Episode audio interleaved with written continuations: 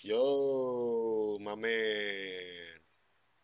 Yo yo yo yo, kembali lagi bersama kita di Di, Di mana? JKL Podcast. IJKR. Hari ini hari yang cukup eh, panas ya. Enggak juga ada- sih. Nggak ada Di angin. kamar full AC, jadi adem-adem aja, Jan. Oke siap.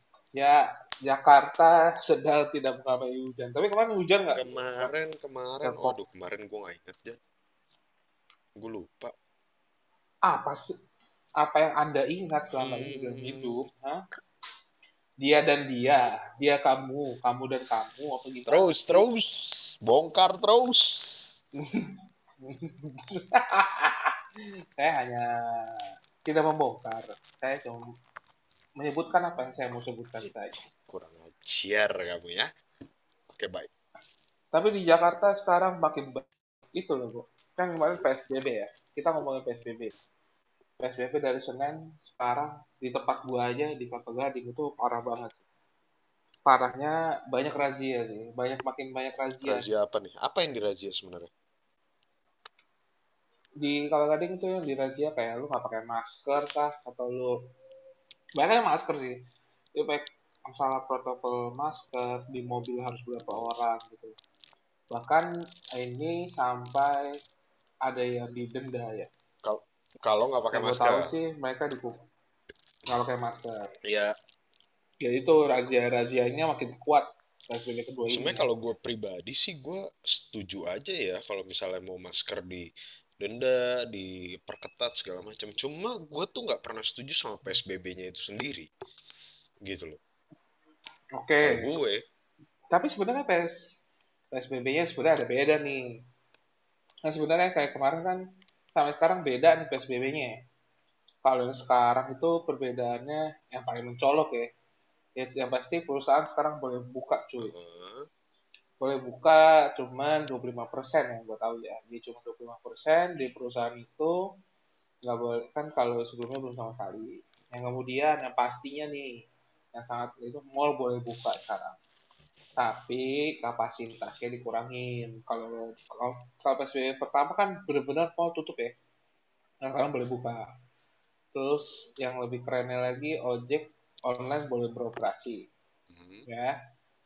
Sama nggak ada yang namanya isolasi mandiri. Kalau dulu kan di PSBB pertama itu ada ya kita boleh eh, isolasi mandiri. Sekarang udah nggak boleh nih. Sekarang kita isolasinya langsung kalau lu terkena virus corona positif reaktif langsung dikirim ke wisma atlet atau di rumah sakit apa gitu ya gue lupa.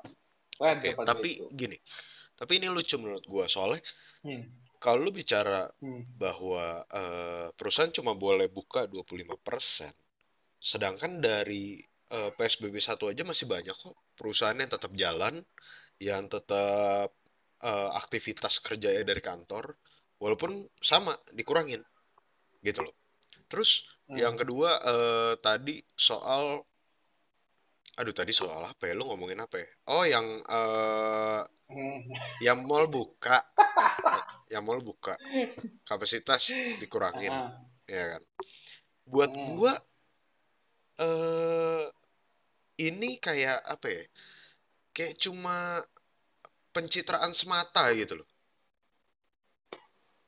Ya gimana maksudnya coba Sekarang gini lucunya, yang di mall-mall itu kan banyak tempat makan segala macam, betul ya? Hmm, hmm, Terus hmm, eh ini orang tetap nggak boleh makan dine in,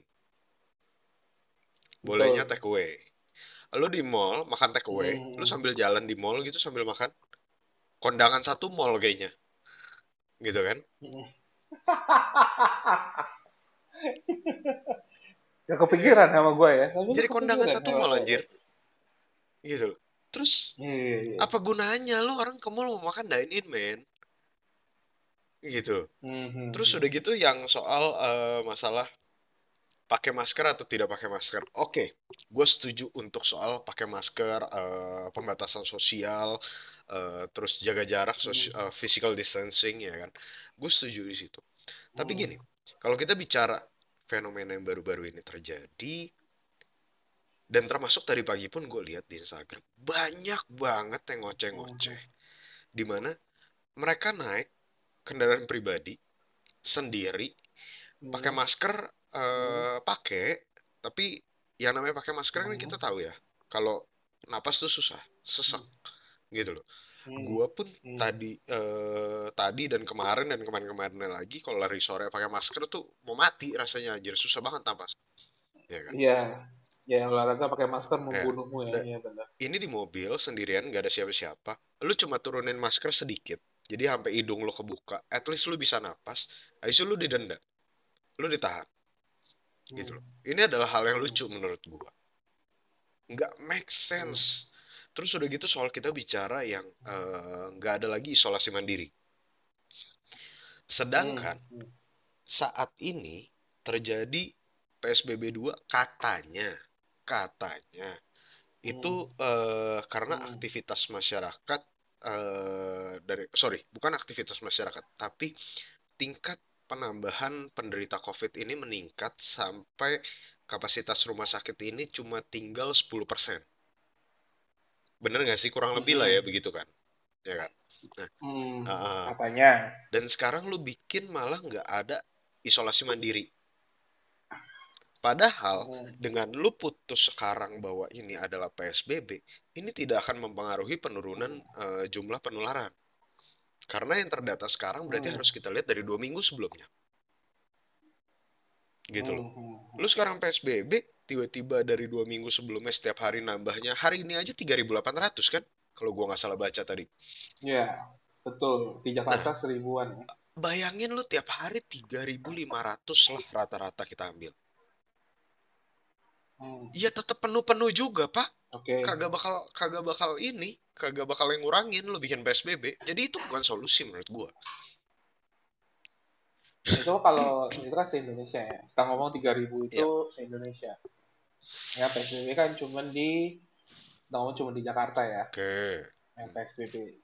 Nah, sebenarnya menurut gua keputusan dari pemerintah untuk melakukan PSBB ini sebenarnya ya menurut gua karena udah banyak eh, semakin banyaknya orang kan terkena COVID. Terutama dari datanya sebenarnya kalau misalnya kita ngomong dari dua minggu sebelumnya peningkatan itu bahkan ada dari masa transisi. Dari masa transisi itu udah terjadi peningkatan yang cukup cukup Betul. signifikan. Kita ngomong Jakarta ya dari cuma 200 di masa transisi itu menjadi eh, 600, 800, 700 sampai meningkatnya sampai ke Betul. angka 1000 Betul. bahkan 1000 lebih gitu itu udah sangat banyak banget gitu sebenarnya yang kena coronanya apalagi yang kita tahu penyakit ini kan Hmm. cukup berbahaya ya apalagi muncul lagi nih gejala yang namanya gejala happy hypoxia di mana seorang orang yang terkena itu mengalami kekurangan kadar oksigen jadi eh, dia biru-biru kelihatan segala macamnya terus sama yang namanya apa ya pokoknya terlihat sesak napas Oke, kalau dan kalau emang misalnya kita lihat nah eh, yang lain, dulu katanya cuma kayak flu biasa katanya. Eh, apa namanya mm, symptomsnya? bahkan Symptomsnya katanya kayak flu biasa. Tapi ternyata eh, ya mulai betul kayak penurunan indera perasa lah, lu makan eh, jadi kayak hambar gitu segala macam. Iya, banyak bilangnya katanya bahkan sampai kayak Katanya, HIV ya. katanya. Itu Nah, nih ya, sekarang, apanya? Kayak penurunan kekebalan nah tubuh sekarang gini. Jan. Sekarang gini. Eh, mungkin juga ini Hmm. buat pendengar-pendengar kita yang sekarang nih ada Wensin, ada Tifa ya kan. Eh, mungkin lu bisa sharing juga ke kita. Lu ini sebenarnya setuju nggak sih kalau di Jakarta ini ada PSBB 2 lagi gitu loh? Efeknya apa gitu kira-kira menurut lu?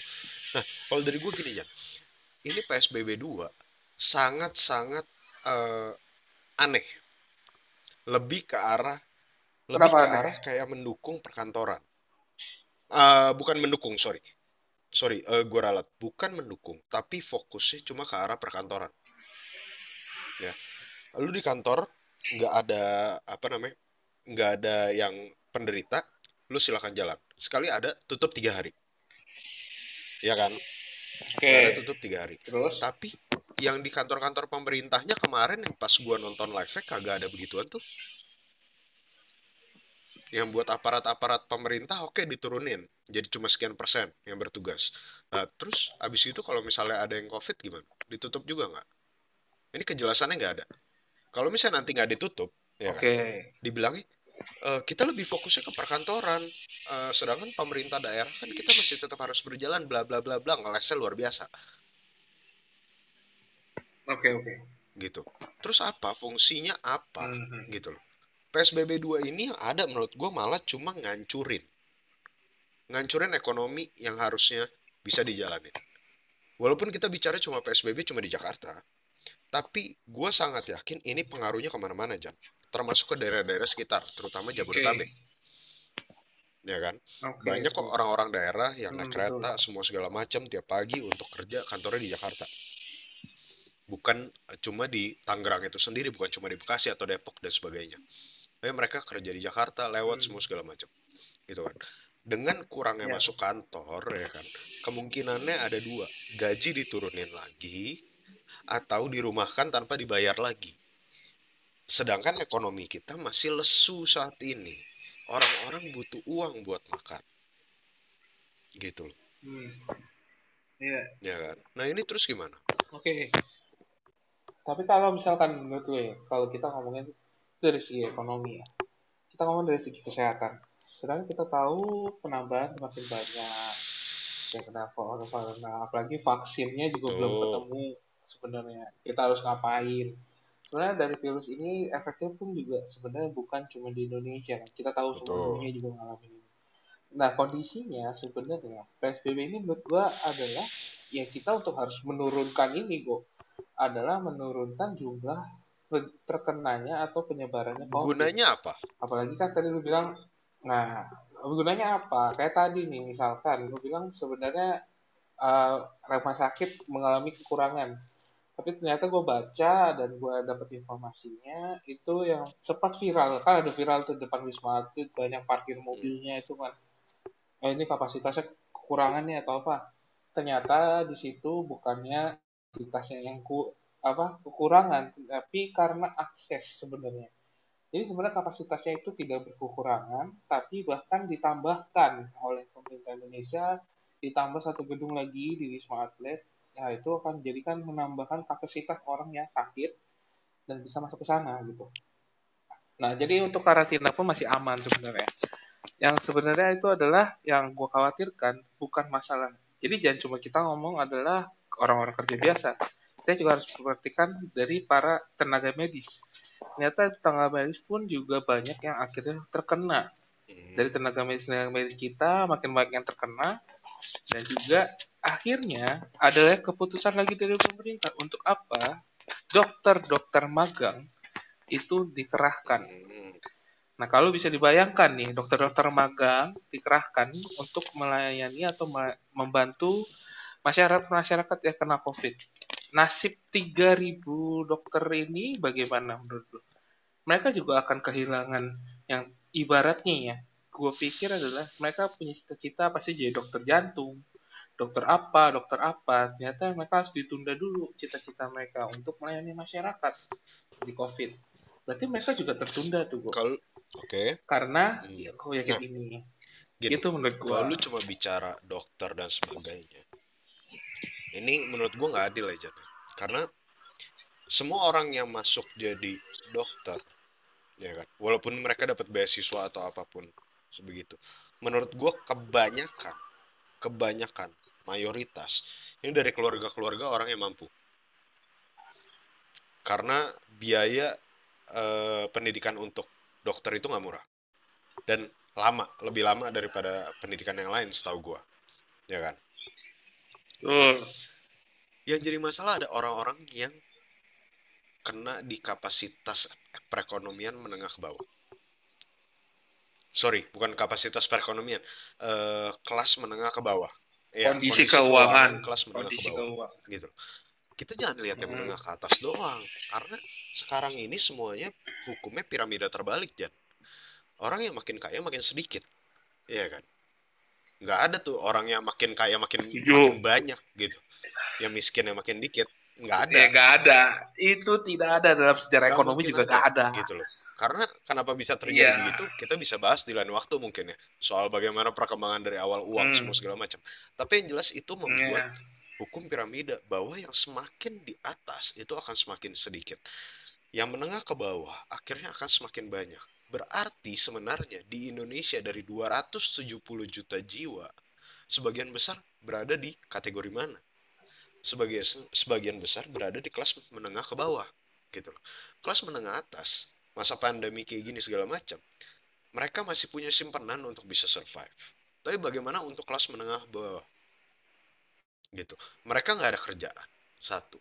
Kedua, ya, Hmm. perusahaan melakukan perampingan.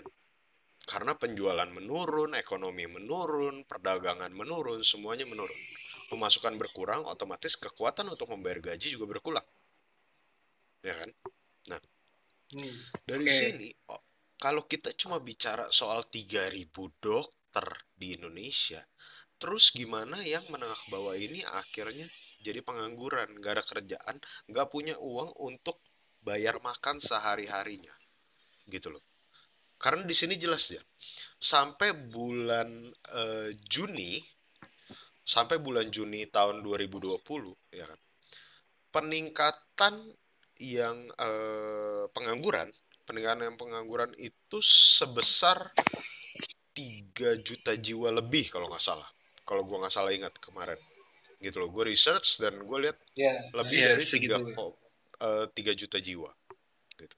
Dan diperkirakan, diperkirakan sampai akhir tahun ini itu sekitar 5,5 juta ya kalau nggak salah perkiraan. Intinya begini, kalau kita bicara dari persen, saat ini tingkat pengangguran terbuka Indonesia itu kalau di bulan Februari tahun 2020 adalah 4,99 persen.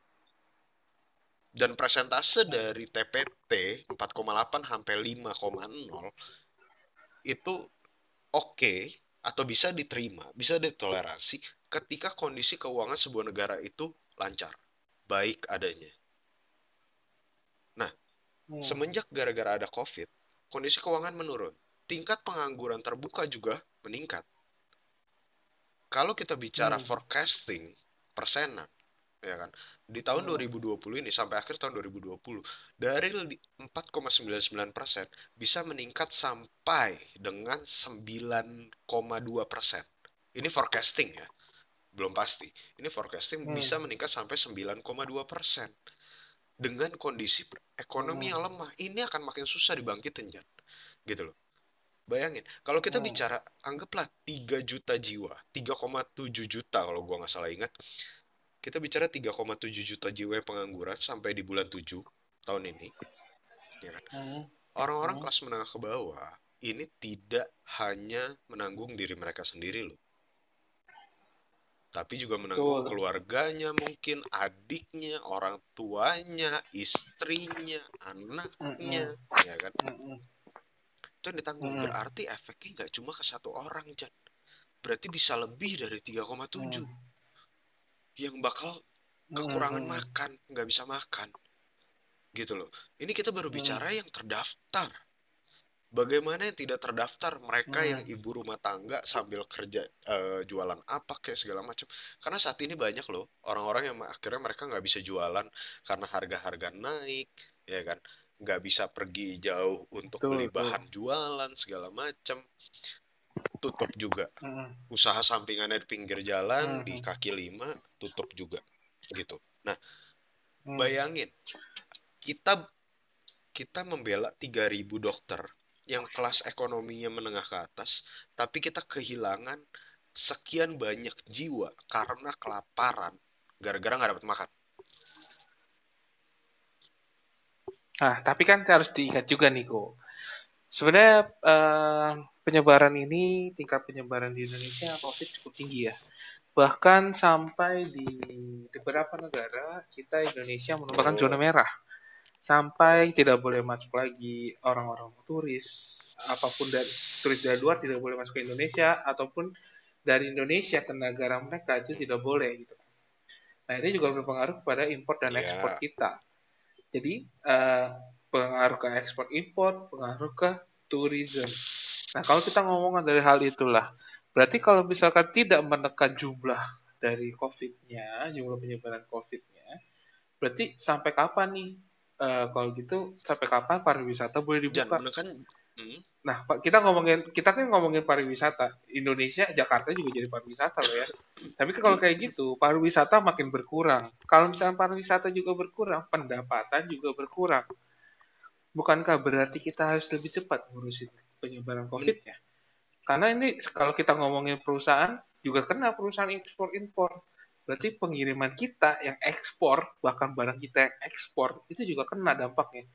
Berarti kan pengurangan juga untuk pendapatan kita negara Menekan jumlah angka COVID. Apakah itu tidak diperhatikan? jumlah angka COVID itu tidak selalu harus menggunakan PSBB. Gitu. Menekan jumlah angka COVID tidak harus selalu menggunakan PSBB. PSBB menurut gua uh, ini cuma jadi salah satu cara pertama, langkah pertama gitu loh untuk menekan pandemi. Ya kan? Ini kita udah ngelakuin itu, men kemarin kita udah ngelakuin itu dari uh, awal covid ini muncul ya kan uh, kalau gue nggak salah ingat waktu itu di bulan April kita mulai PSBB besar-besaran uh, seluruh Indonesia ya kan? Dan berapa bulan itu? Berapa bulan ekonomi itu uh, sulit untuk dijalankan? Berapa bulan perusahaan itu sulit melakukan operasionalnya? Cukup lama lebih dari dua bulan seingat gue ya kan? Ini sudah rentan ke arah ekonomi. Percuma percuma kita sekarang psbb lagi tapi ekonomi kita nggak bisa membangun gitu loh. Nggak bisa dibangun. Ya kan? Pendapatan masyarakat yang menurun kehancuran ekonomi Indonesia dan eh, ketidakpemilikan pemasukan yang ada di masyarakatnya. Mau nanti tiba-tiba COVID hilang, tiba-tiba katakannya kita punya miracle bahwa oh ternyata Indonesia tropis dijemur aja tuh semua orang di bawah matahari jam 12 siang katakan begitu ya. Hmm. Terus uh, COVID sembuh, kanker kulit iya. iya, aku sembuh, aku sembuh dari COVID. Eh, tapi kok aku merasa tidak makin tidak enak badan? Ternyata dicek, oh maaf bapak kanker kulit. Oke. Kebayangkan. Oke lanjut. Ya, ini, ini sebenarnya mau gue bilang juga Jan kayak uh, lu kita barusan ketawa bahwa kita nggak boleh mensubs, uh, mensubstitusi satu hal dengan hal lain. Kita harus bisa menyelesaikan semuanya gitu loh. Jangan kita fokus ke COVID doang, tapi kita uh, mendiadakan bahwa pengangguran itu sendiri, penurunan uh, pemasukan hmm. di masyarakat Indonesia ini uh, kita tidak pedulikan gitu loh. Kita udah pernah bahas sebelumnya bahwa hmm. COVID ini juga bisa memberikan efek secara psikologis, ya kan? Hmm. Gara-gara hmm. apa? Salah satunya yang paling besar gara-gara masyarakat tidak memiliki pemasukan lagi, gitu. Dan efek hmm. psikologis hmm. kalau Uh, teman-teman bisa cari tahu ya yang dengerin kita di sini teman-teman bisa searching ada semua di web bahwa tingkat bunuh diri tingkat kematian karena stres karena depresi akibat uh, adanya gangguan psikologis kepada manusia itu sangat tinggi juga di dunia gitu hmm, ini hmm. sangat tinggi juga Betul. so percuma kita PSBB hmm. ya kan cuma kita ngurusin yang penderita ya doang tapi masalah lain kita bukan sembuh malah makin parah gitu loh. Ini bukan solusinya yang paling tepat gitu loh. Pada awal mungkin PSBB iya. Saat hmm. ini bukan solusi. Contoh gampang kayak lu kali bau, kali kotor, banyak sampah. Bukannya lu bersihin cuma lu tutup. gitu loh. Ini uh, kali yang di rumah gua uh, maksudnya ya atau kali di mana nih? Aduh, um, kali ya. Kayak nggak asing ya sama kali ini ya. ya, ya. Ini contoh ya. Ini contoh kan ya. Ini contoh ya. Ya, mau contoh. dibilang contoh, mau dibilang menyindir, I don't care. Kenapa? Karena ini udah jelas terjadi, Hmm. Ya, ini sudah hmm, pernah terjadi. Okay. Sekarang logikanya begini, lu kali kotor, ya kan banyak sampah dibilangnya hmm. bau cuma ditutup. Apakah menyelesaikan masalah? Sumber masalahnya bukan masalah kalinya kebuka loh. Dari zaman bahla kali itu selalu kebuka. Even di Jepang aja kali kebuka aja. Gitu loh. Tapi kenapa di Jepang kalinya bisa ada ikan koi yang hidup, tapi di Indonesia yang hidup adalah kecoa, gitu kan? Nah, itu bedanya, gitu. loh. Ya, ya, Apakah ya. solusinya ditutup? Mungkin kalau ditutup pas lu angkat itu kain penutupnya itu pak eh, pas diangkat bagian bawahnya itu isinya kecoa semua tuh berentet. Gue sih jijik banget ngeliatnya. Anjir. Ya kan? Oke, Ini benar. hujan gede. Hujan gede gara-gara ada sampah ditambah ditutup lagi, ya kan? Itu sampah kagak naik, mm-mm. makin mampet yang ada. Ya, oke, banjir lagi setuju. gitu. Jadi apakah itu Iya, solusi iya. yang tepat? Tapi, tapi menurut gue gini juga sih. Ada satu sisi kenapa menurut gue PSBB itu penting juga. Ini salah satu tindakan Hmm. pemerintah ya. eh, yang untuk menekan itu. Nah, balik lagi dari gini kok, eh, pengaruh lu bilang ke psikologi. Sebenarnya kita psikologi kita orang Indonesia, terus bukan cuma Indonesia lah, gue yakin beberapa negara juga merasakan ada ketidakamanan sosial. Contohnya, Karena kita jujur aja, contohnya misalkan dulu kita ngobrol sama orang, wow deket-deketan mah kita santai Hmm. aja ya, pelok-pelokan, tos-tosan gitu.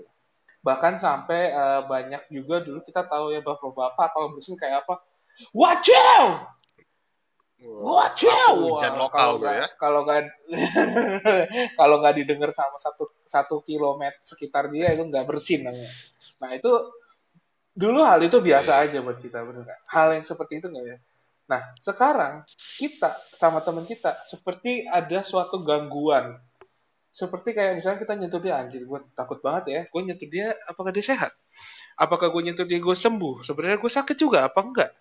Atau misalkan yang tadi bersin, coy, padahal dia mungkin hanya ke kena debu atau apa. Kita langsung menjauh sejauh-jauhnya dari orang itu. Bahkan cuman sekarang lu perhatiin deh, orang cuma nah itu udah kayak semua orang sekitar lu aja udah kayak melihat lu dan seperti meminggir. Nah itu menurut gua keamanan sosial hal-hal ini menjadi kayak terganggu untuk kita karena kita merasa tidak aman. Gimana kalau misalkan ini tidak teratasi, jumlah tetap terus menaik? Apakah kita secara bergaul akan tetap mau bersama mereka atau membuat kita bergaul jadi Gini merasa Jan, terganggu? Menurut Gini, gua Jan. akan terganggu justru. Eh, apa ya? Ya, Ini gimana? masalah yang lu bilang ini. Cuma ter, cuma melihat dari ruang lingkup kehidupan, eh, lingkungan kita mungkin sehari-hari, ya kan? Itu kayak gitu. Tapi kalau kita mau lihat lebih luas, gimana nggak merasa terganggu sih? Gitu loh. Kita bisa lihat polisi di pinggir jalan. Sorry ya Pak, polisi semua ya, Ibu polisi ya. Tapi ini sekalian gua kritik loh ya.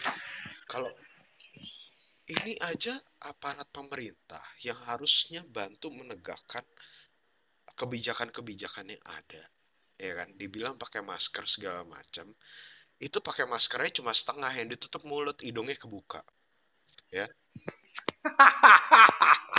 Tapi menangkap tapi menangkap yang pakainya Ah, sama kayak dia iya gitu. Terus giliran udah kayak gini tiba-tiba ada model lah salah satu contoh orang yang di Bali yang memperjuangkan hak masyarakat kecil yang nggak bisa eh, makan ya. Gue bukan membela dia gue bukan membela dia. Gue ngerti maksud dia tapi cara dia salah menurut gue ya kan? Tapi Kayak gimana ya? Gue nggak tahu nih. Coba bikin Yang- diceritakan apa ya elah kayak kita nggak tahu aja yang kasusnya sampai ke pemerintahan. Lu jangan bikin gue ditangkap juga besok ya Oh iya, oh, itu ya. ya kan Oke. Nah. Kayak gue tahu. Oke. dia berbicara secara keras, secara lantang, dan secara vulgar memang. Ya kan? Tapi kalau cuma kayak gini, dan orang-orang yang mengutarakan apa aspirasi, gue hampir ngomong apresiasi, salah ya, mengutarakan Terima kasih.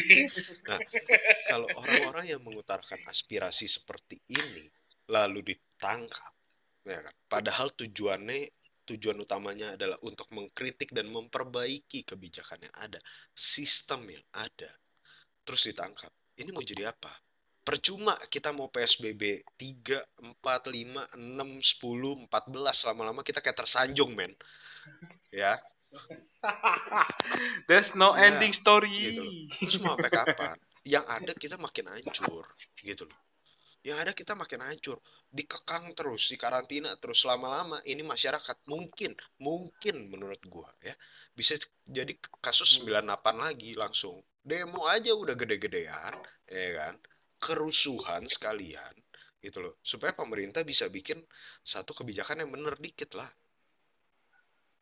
Kayak gitu loh. Dan ini bukannya makin bahaya yang ada? Pak. Ya benar. Gue setuju sih dengan adanya kayak gitu.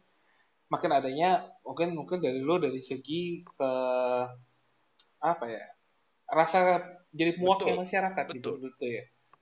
Hmm oke okay, oke. okay. Tapi kan kalau kita perlu juga ketahui sebenarnya kan pemerintah juga berusaha sekuat tenaga. Ibaratnya ya menurutku pemerintah itu sekarang juga sebenarnya melakukan segala cara agar sebenarnya penurunan dari penyebaran ini terjadi gitu kan. Jangan sampai uh, terus meningkat terus meningkat. Nah, akhirnya bagaimana sekuat tenaga? Apalagi kalau kalau kalau apa?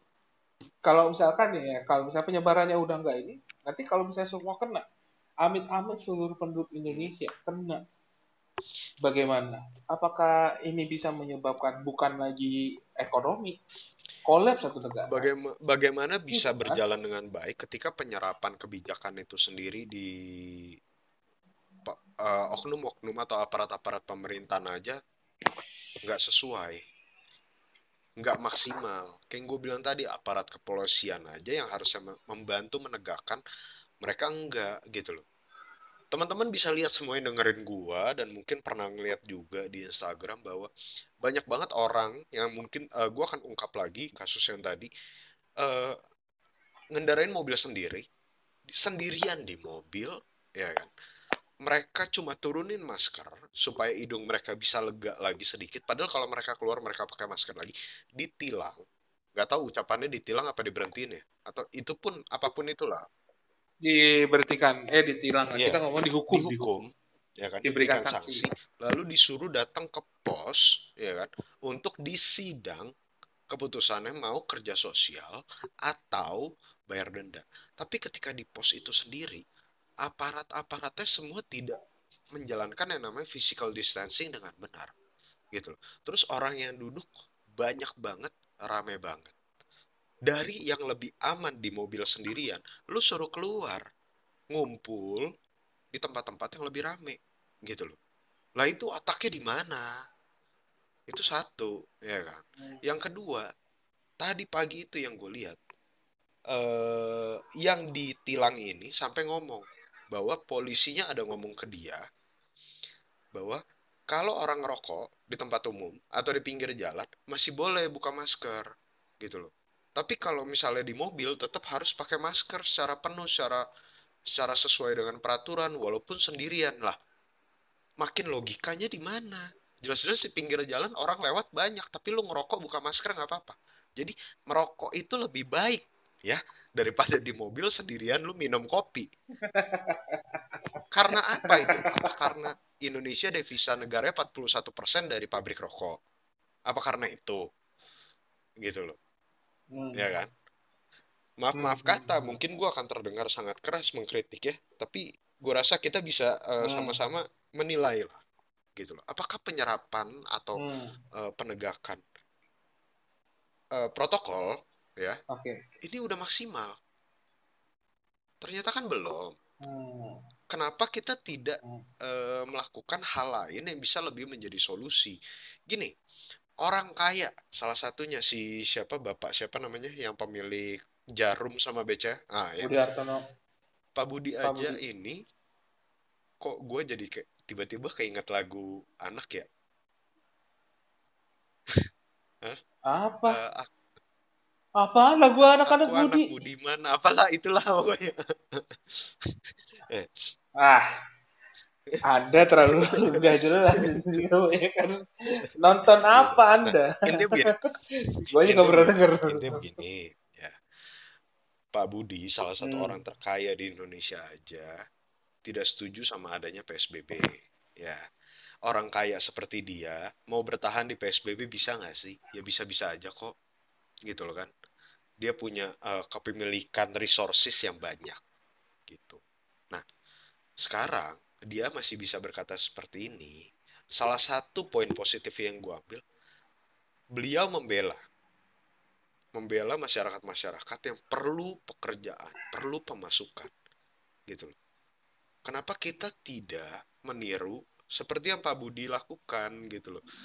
E, mencontoh kayak Singapura, bikin trailer-trailer dari kontainer segala macam untuk bisa jadi ruang isolasi. Nggak perlu adanya pembangunan baru dan sebagainya gitu. Dengan biaya yang lebih rendah, pengerjaan cepat, ya kan bisa diperbanyak tuh ruang isolasi. Belum ditambah Indonesia kan terutama Jakarta itu tanah kosong masih banyak kok daerah eh, apa namanya Kemayoran iya Kemayoran daerah Kemayoran gitu-gitu masih banyak tanah-tanah kosong kok gunakan dulu itu aja sementara itu kan bisa ya kan terus yang jadi masalah penurunan terbesar menurut gua juga banyaknya yang butuh pekerjaan yang masih harus kerja ke kantor tapi transportasi umum dikurangin gitu loh. Lu suruh jaga okay, jarak betul. tapi kapasitas volume yang bisa diangkut sama transportasi umum dikurangin ya makin dempet sama aja bohong ya kan? Kayak lu bilang kurangin porsi makan lu gitu. Kurangin porsi makan lu ya biar dikit gitu loh.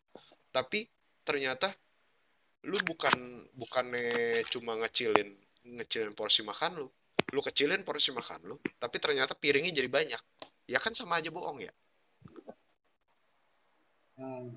oke oke tapi kebijakan transportasi pun sebenarnya kan diciptakan untuk kayak misalnya pengurangan itu karena perhitungan berdasarkan jumlah perkantoran dengan uh, kapasitas orang yang boleh masuk ke kantor kan. Jadi menurut pemerintah ya segitu yang boleh menggunakan transportasi segitu cukup lah kita ngomongnya kayak gitu ya. Nah, tapi kan uh, balik lagi nih, sebenarnya kebijakan-kebijakan pemerintah itu sudah bagus ataupun kebijakannya benar nih kok. Tapi uh, mungkin ya menurut gua adalah uh, pematuh peraturannya ataupun masyarakatnya, benar nggak sih? Menurut ini kebijakannya sebenarnya tepat, tapi beberapa kayak lu tadi bilang masih ada perusahaan yang harus yang tiba-tiba masuk. Mengakal-ngakali masuknya dengan cara dia masuk tapi dia tutup pintu di depannya kah? Atau dia masuk sebenarnya tapi dia apa kayak ibaratnya kayak gak orang solo nggak aktif sekarang gini. tapi kan ya sebenarnya poin dari perusahaan apa sih? Poin dari perusahaan itu kan poin dari perusahaan ya, keuntungan. Penjualan untuk ya, mendapatkan keuntungan. Gitu loh. Dengan keuntungan mereka hmm. bisa bayar karyawan ya kan jadi uh, apakah Betul. salah kalau misalnya mereka masih tetap berusaha untuk bisa beraktivitas? Gue rasa enggak, karena kepentingannya bukan cuma buat dia sendiri, tapi seluruh anggota dari perusahaan itu sendiri, even sampai OB, ya kan? Sekarang bayangin, nggak ada kantor, ya nggak ada kantor yang masuk. Terus misalnya satu lantai OB-nya ada dua atau tiga orang, terus satu gedung kantor nggak ada yang masuk. Nah itu OB yakin masih pada dipekerjakan. Yakin? Gue rasa sih enggak gitu loh. Gue rasa enggak. Karena berdasarkan data yang gue dapat sampai pertengahan tahun eh, 2020 ini di Indonesia ya karyawan yang dirumahkan karya karyawan yang dirumahkan itu tanpa dibayar itu totalnya satu juta jiwa satu juta lebih gitu. Karyawan uh, formal yang di PHK itu 300 juta jiwa lebih. Terus karyawan yang tidak formal 300 juta. Oh, sorry. 300 ribu ya. kali. Kalau 300 juta oh, iya, betul, betul. Indonesia. Maaf ya. Semua yang menganggur kecuali pemerintah. Gua, gua sorry, 300 ribu, 300 ribu jiwa, ya kan. Dan uh, yang tidak formal, kalau nggak salah data ini gue dapat sampai bulan kurang lebih bulan Mei. Bulan Mei kurang lebih ya. Kurang lebih sampai bulan Mei uh, itu udah terjadi segitu. Yang tidak formal karyawan yang tidak formal yang di PHK itu 300 ribu jiwa lebih juga. Jadi kalau di total sekitar 1,7 lebih. 1,7 okay. juta jiwa lebih sampai bulan Mei. Dan sampai bulan uh, Juni apa Juli itu yang tadi gue bilang 3 juta lebih yang sudah hmm. pengangguran lagi penambahan pengangguran. Gitu kan. Nah hmm. ini loh yang jadi masalah. Ini yang dari tadi gue tekankan gitu kan. Kalau memang eh, dibilang masyarakat tidak mematuhi peraturan perusahaan-perusahaan tidak mematuhi peraturan bukan PSBB caranya. Gue setuju dengan kebijakan adanya denda progresif ya kan kenapa karena Hmm. itu kasih efek jerah Hmm. efek jerah ini perlu menurut gue Hmm. gitu ya kan Hmm. Apakah PSBB ini juga merupakan efek jerah, Bu? pada nyatanya pada perusahaan nyatanya kemarin sekian bulan kita PSBB giliran dilepas sedikit ya kita eh, di Indonesia selalu bicara transisi new normal transisi normal baru Hmm. bukan new normal Hmm. tapi masyarakat menyebutnya itu adalah new normal ya kan? Ini yang salah gitu. Iya. kasih efek jerak yang jelas supaya itu tercantum di otak mereka bahwa ini bukanlah new normal. Ini adalah transisi kepada new normal. Kita bisa lihat kok di kereta-kereta di halte Transjakarta bagaimana penumpukan itu terjadi. Percuma lu pakai masker tapi lu masih dempet-dempetan dorong-dorongan. Tangan lu nyenggol bekas keringetan ya kan? Udah gitu udah jadi pepes ketek di dalam ya kan nah, Ah. habis itu lu tambah lagi sama virus covid ini yang nggak tahu terbangnya gimana ceritanya gitu loh entah dia terbang pakai buntut Hmm, Apalagi kita belum jelas ya. Sebenarnya juga belum jelas sebenarnya penyebarannya apakah emang juga airborne apa enggak. Kalau WHO kan bilangnya WHO bilangnya ada ini ya. Airborne ya, maksudnya lewat udara gitu. dengan lu tanpa airborne aja dengan lu udah mepet-mepet begitu itu nggak membantu sama sekali. Lu bersihin dikit tetap ada ada cipratan yang ke mana-mana. Gitu. Terus di Iya. kereta kereta sekarang dibikin dua dua dua kali. Dua kali ngantri. Di dalam yang di peron terus yang di luar. Ya kan jadi masuknya sebagian sebagian tapi lu lihat emangnya tetap jaga jarak tiap jarak antar orang satu meter? Kagak. Tetap dempet dempet kok. Terus apa gunanya? Gitu loh. Nggak ada gunanya sama sekali yang perlu lu kasih efek jerah adalah kalau lu pengen biar semua perusahaan WFH lu kasih efek jerah ke perusahaannya dong menurut gua ya ini menurut gua pribadi lu kasih Hmm. efek jerah ke perusahaannya kalau memang ketahuan jangan cuma tutup tiga hari tutup tiga hari mah nggak ada apa-apanya gitu loh kenapa nggak lu dendainnya 100 Hmm. juta apa kagak mikir tuh gua rasa semua perusahaan Hmm. mikir sih orang beli internet 5 juta aja Hmm. mikir sekarang perusahaan gimana suruh denda 100 juta Betul. Betul ya sekali kan? internet. Pengalaman pribadi ya. ini kayaknya Hmm. Jan ya. internet dijual 2 juta ya setengah mati apalagi jual 2 juta ya, ya ya. tapi ya benar sih sebenarnya eh, efek jerah ini sangat perlu sih Hmm, benar sih kata lu sebenarnya perusahaannya itu harus juga dari sisi perusahaan ya kita tahu lah emang mengalami penurunan gitu ya kayak pendapatan pasti menurun karena penjualan juga menurun tapi kan juga sebenarnya perusahaan juga harus memperhatikan di mana sisi kesehatan dari ah, karyawannya juga. Toh kalau misalkan karyawannya juga kena, apakah itu memberikan efek bagus pada perusahaan? Tentu tidak. Misalnya satu kena, misalkan dia bisa menyebar di kantor dia kena bergaul dengan banyak orang, misalkan semua satu kantor kena, akhirnya nggak ada yang bisa kerja. Akhirnya penurunan penurunan pendapatan juga kan? Dengan Nah, itu adanya gua.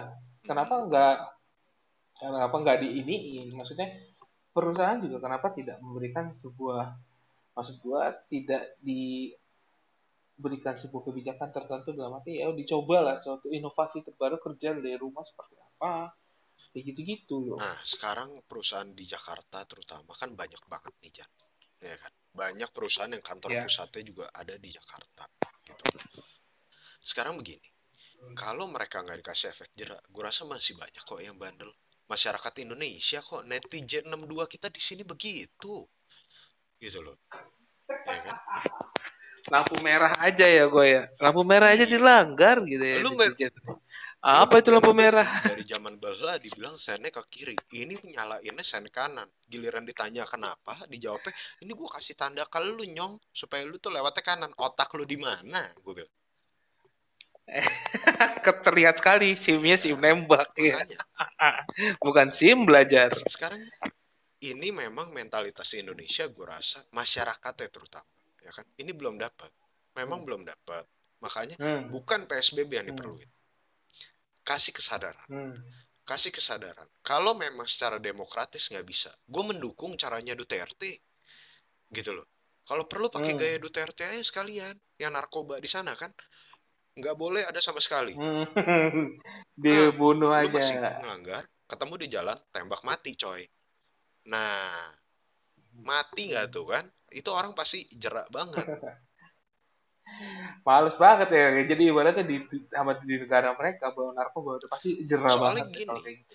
ketika lu melanggar eh, protokol kesehatan di luar terus lu menularkan orang lain gue bisa bilang ini salah satu act of terrorism kepada Indonesia karena ini membahayakan Oke. kesehatan satu negara keberlangsungan kesehatan satu negara gitu loh. ini yang jadi berbahaya. Ini bisa mengancam eh, bagaimana Indonesia ini sendiri bisa bertahan ke depannya. Karena masa karena pandemi ini virus ini bukan faktor yang dibuat oleh orang katakan gitu loh. Bukan tiba-tiba Amerika ngirim nuklir ke Indonesia. Bukan. Ini alam kok. Semua Hmm. negara kena gitu Hmm. ya kan Ya, betul. so ya cari sesuatu cara PSBB udah bukan lagi solusi yang paling tepat gitu kalau perlu Indonesia saat ini Oke. kalau perlu emang di otoriterin otoriterin lagi aja menurut gua kalau itu bisa jadi baik Kenapa? Iya, iya, iya. Jadi dengan ada ada ada otoriter menurut lo maksudnya otoriter dalam arti untuk pengakuan aturan Iya, kan pengukuhan pengukuhan aturan-aturan terutama untuk misalnya COVID ini sendiri gitu loh. Jadi nggak perlu adanya PSBB. Jadi kayak kalau lu keluar masih eh, banyak gaya demi mau nongkrong apa semua segala macam ngumpul-ngumpul rame-rame katakan, ya kan? Ngumpul lebih dari berlima, misalnya berlapan segala macam. Lu mau denda denda aja satu orang gue peceng gue peceng deh menurut gua. Itu pasti Iya, iya, iya. Ba- Jadi pasti jerah ya. karena, karena masyarakat Indonesia lebih takut kehilangan uang lebih takut kehilangan sumber pemasukan daripada mati gara-gara covid gitu manfaatin Iya, iya, rasa iya. takutnya manfaatin rasa takutnya supaya Iya. mereka bisa lebih nasionalis walaupun terpaksa gitu ya biarin Hmm. aja terpaksa Iya, iya, iya. Tapi banyak kok negara-negara yang nasionalis karena sedikit terpaksa ya kita ngomongnya. Terpaksa dalam tanda kutip. Tapi mereka menjadi nasionalis. dan akhirnya itu sendiri menjadi benar gitu kan contoh gini Reja kita bisa lihat di Taiwan sampai saat ini Hmm. emang yang jumlah eh, terkenanya seberapa banyak sih dikit banget loh dia Hmm. jumlah yang meninggal ada nggak terakhir gue Hmm. lihat sih nggak ada sampai detik ini gue punya kenalan yang tinggal di Hmm. Oke. Taiwan gue tanya di sana gimana kondisinya? Di sini fine fine aja. Orang mau pergi pergi. Orang mau nongkrong nongkrong. Orang mau kerja kerja. Tapi yang jadi masalah mereka sangat menerapkan social distancing. Jarak jalan kaki di jalan Oke. kaki aja di trotoar ya kan? Satu setengah meter antar orang. Masker selalu pakai. Hand sanitizer selalu di mana-mana ada. Gitu. Ya kan? Itu udah jelas nggak kayak kita kemarin ketika mau lebaran ya kan duit bala bantuan dipakai buat beli eh, baju baru. Bukannya buat beli makan. Tidak mengerti cara penggunaan uang. sekarang kalau kita mencontoh dari Taiwan sendiri masyarakatnya itu bekerja sama dengan pemerintahnya. Masyarakatnya itu eh, satu paham dan satu satu pemikiran dan satu action dengan pemerintahnya pemerintah mencanangkan kebijakan warganya membantu dengan cara menaati ya kan karena corona ini ya kan corona ini penanganan corona Hmm. menurut gue udah kayak pacaran Jan gak bisa Wah, Nggak bisa berjuang cuma satu pihak. Gimana tuh, bro? Uh, uh, yang wow. berjuang harus dua pihak Iya, iya, iya. Jadi nggak boleh cuman ibaratnya pemerintah doang. Masyarakatnya juga Betul. harus sebenarnya betul bantu. sekali betul sekali jadi Hmm. Hmm. selama Indonesia selama eh, masyarakat Indonesia masih belum bisa buat eh, sama-sama berkorban sama-sama eh, apa namanya satu pendapat satu visi satu misi bergandengan tangan dan berpelukan mesra dengan pemerintahnya ya kan Hmm, hmm, mau sampai hmm. kapan pun mau sampai PSBB 30 bahkan percuma nggak akan selesai ini corona. Hmm. Hmm. Yang ada orang-orang di pinggir jalan minum bir yang mereknya corona mungkin. Gitu.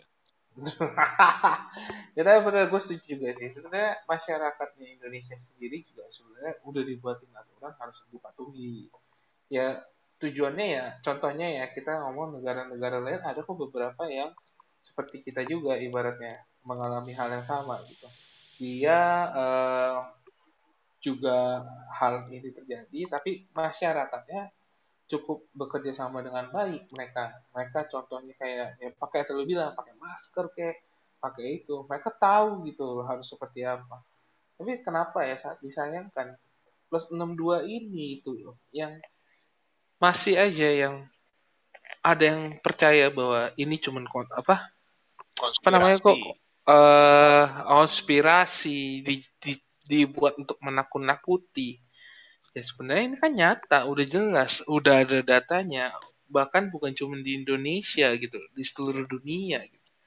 ya kita harus sadar gitu sebenarnya. Sebagai masyarakat juga harus tahu diri.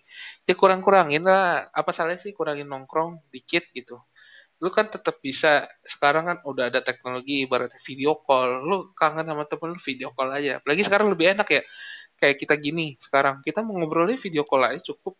Nggak nggak usah sampai yang kayak itu yang penting oh iya gue lihat kalau tapi emang kalau mau pacaran ya udah di rumah pacar Enggak, tapi deh. yang susah itu yang susah Lebih kalau am. masih jomblo belum punya pacar terus lagi ngegebet cewek Jan. Itu yang susah Jan nggak bisa pakai online. Makanya da- makanya dengerin podcast kita yang sebelumnya. Gimana caranya dapetin orang di Iya. online. Itu loh. Buat apa? Teman-teman kita udah ngomongin kok caranya biar jomblo-jomblo kayak linggo eh eh eh eh. Eh sorry. Maksudnya jomblo-jomblo kayak teman kita yang lain gitu ya. Itu eh, maksud bisa tetap dapat kenalan kok lewat aplikasi-aplikasi. Ngobrol juga gimana caranya bisa tetap aja kegiatan jadi online kalau lu mau bisa nanya ya kan lu dengerin dulu episode kita yang sebelumnya. Kalau udah dengerin masih ada Wih, pertanyaan deh. baru nanya. Jadi jangan pertanyaan goblok yang kita udah jawab di podcast itu sebenarnya. Ya gitu loh. Eh, dan ya intinya sih in... ini nggak nggak. Balik ke topik. Intinya. Ah, iya, iya, iya. intinya. intinya. Lu mau kayak gua yang nggak setuju PSBB atau lu mau kayak Jan yang setuju dengan PSBB gua rasa gua dan Jan nggak ambil pusing dan gua nggak peduli. Ya menurut kita lebih ke arah betul. Ayo kita sama-sama ya kan? Sama-sama berjuang bergandengan tangan berpelukan ciuman kalau perlu sama pemerintah kita sendiri ya kan? Biar corona ini ini bisa kita atasi dengan cepat. Karena kalau ini cepat berlalu kita bisa menekan angka corona dengan sangat signifikan ekonomi kita jalan akan lebih enak. Pendapatan kalian jalan akan Betul. lebih enak. Buat elu yang mau ngegebet cewek Betul. bisa lebih langsung banyak ketemuan ya ngajak makan. Betul linggo betul. Betul linggo. Kayak ini bener-bener ini gue serius. Maksud gue ya teman-teman ya kita juga semuanya harus kita sama jangan sampai jangan cuma kita mau nyalain pemerintah nyalain pemerintah kita kitanya juga harus benar. Kitanya juga harus at- patuhin peraturan yang udah diciptakan. Ke peraturan sebenarnya diciptakan untuk dipatuhi bukannya untuk Iya. dilanggar. Itu setuju banget. Dan ya gue sendiri walaupun menentang PSBB gue tetap ngejalanin kok. Gue buktinya hari ini minggu ini ini detik di mana Jakarta masih PSBB ya. Dan gue nggak ke Kelapa Gading. Gue nggak ketemu dengan Jan. Padahal di situ gue lebih nyaman podcast lebih enak. Abis kelar podcast mungkin kita bisa nongkrong gitu ya Jan ya, kayak minggu lalu kan. Tapi buktinya minggu ini nggak bisa. Gitu. Ini pertanyaan oh sorry gua intermezzo nongkrong sama gua atau nongkrong sama siapa gitu? Nongkrong sama siapa? Ya sama siapa itulah gitu pokoknya, tahu ya. kan. gitu loh. Ya oke gitulah jadi ya itulah gua aja walau ibaratnya walaupun banyak sebenarnya masyarakat yang pesimis atau benci dengan kebijakan PSBB ya itu nggak masalah. Lu nggak setuju nggak masalah. Tapi yang pasti jagalah kesehatan lu pada sendiri. Pakai masker kayak kalau misalkan itu cuci tangan bawa aja hand sanitizer. Sekarang udah pada murah kok. Barang-barang udah stok-stoknya udah mulai banyak. Jadi udah nggak kayak dulu. Dulu Betul. emang mahal banget. Sekarang mah udah biasa kok. Harga udah udah banyak terlalu satu mahal. liter cuma delapan puluh ribu kok ya kan Iya, bahkan 5 liter kemarin gue beli 5 liter Tuh, cuma kan, 100 makanya. berapa gitu. lu kalau sampai takut kena covid Makanya lu maksud- minum aja tuh hand sanitizer ya kan Itu juga bukan solusi. Emang emang Anda tidak kena corona, tapi nyawa Anda yang tapi hilang. semua masalah yang lain-lain hilang kan sakit cinta sakit hati karena diselingkuhin itu hilang semua aja Tapi kalau utang yang Anda tinggal itu tidak akan hilang. Keluarga Anda yang menanggung utang-utang Anda. jadi jangan sampai Anda bunuh diri. Hidup lebih berarti. Ini kenapa jadi bahasin bunuh diri? Oke, kayak segitu aja kali ya gue ya. Kita ngomongin tentang PSBB 2-nya. Kita mau promosiin sedikit, eh, kita akan ada next topiknya dengan konsep yang Eh, berbeda iya, mungkin ya. tapi eh, mungkin ini sambil masih masa uji coba juga dan kita start di minggu depan di tanggal berapa Jan? Gue lupa tanggal berapa. Berarti minggu depan itu di tanggal Tanggal 16. tanggal 16 ini tanggal 18 buset. Oh, Sarah. Maksud gue tanggal 2. Tanggal 23. Jadi tanggal 23 ini kita bakalan spesial ya kan. Biasanya kita live di Spoon di hari Rabu, tapi yang kali ini kita Oh iya, hari Jumat. Nah. Aduh, Anda udah 300 jiwa. Semua penduduk Indonesia nganggur. Sekarang Anda mau pindahin hari Jumat ke Ini hari fokus Jan, Rabu. banyak chat yang masuk soalnya ini. Gitu kan. Oh, lagi hutang kan maksudnya. Jadi teman-teman yang maksudnya di hari kan biasanya kita di hari Jumat kita mau pilot project di Ya, hari pilot Rabu. project special di tanggal Kebetulan- 23 kita akan live tidak di aplikasi Spoon tapi di IG Live gitu. Jadi buat teman-teman yang penasaran seberapa Iya. nyolot muka gue dan seberapa unyu mukanya Jan, bisa dilihat juga nanti pas di hari Hmm. Rabu kan. Gitu. Oh, gue dengerin Gigi ya. Dipuji sama cowok gue maksudnya. Dan Ya mungkin teman-teman nanti bisa melihat kita ya di Instagram Live di IJKL underscore podcast. Kita akan live di sana teman-teman yang udah follow nanti bisa langsung Untuk- lihat kita. Dan terutama di sana ada yang spesial apa ya nanti kita lihat Eh, aja ya. Dan nggak kayak hari ini, mungkin pembahasannya agak agak boring hari ini, tapi minggu depan kita akan bahas mengenai percintaan juga dan soal hubungan. Gitu. Hmm. Ya nggak sih? Kalau teman-teman udah pernah mendengar kita di podcast sebelumnya, ah ini keren. Topiknya Yo, ini lebih keren. Dan banyak lagi sebenarnya topik percintaan yang lain sih yang udah ada di kepala gua, cuma belum mau gua tuangin lah karena kasihan. Kasihan kita nggak dapat konten nanti. ya kurang lebih gitu aja teman-teman ditunggu nanti diupdate di Instagram kita di JKL underscore podcast nanti teman-teman bisa, bisa dilihat kalau mendengar ulang siaran ulang Spotify Apple Podcast ada di Google Podcast gitu aja Dan thank, thank you you gue juga hari ini apalagi Enggak, apalagi udah, udah, Hah? udah. kirain gue lu menambahin lagi yang mau hubungi lo- Linggo langsung yang mau chat Linggo langsung aja gitu kirain promosi. Ya itu bisa juga karena ada tuh di di mention di bio IJKL gitu. oke terima kasih teman-teman kita langsung aja Oke oke. Sampai bye. jumpa semua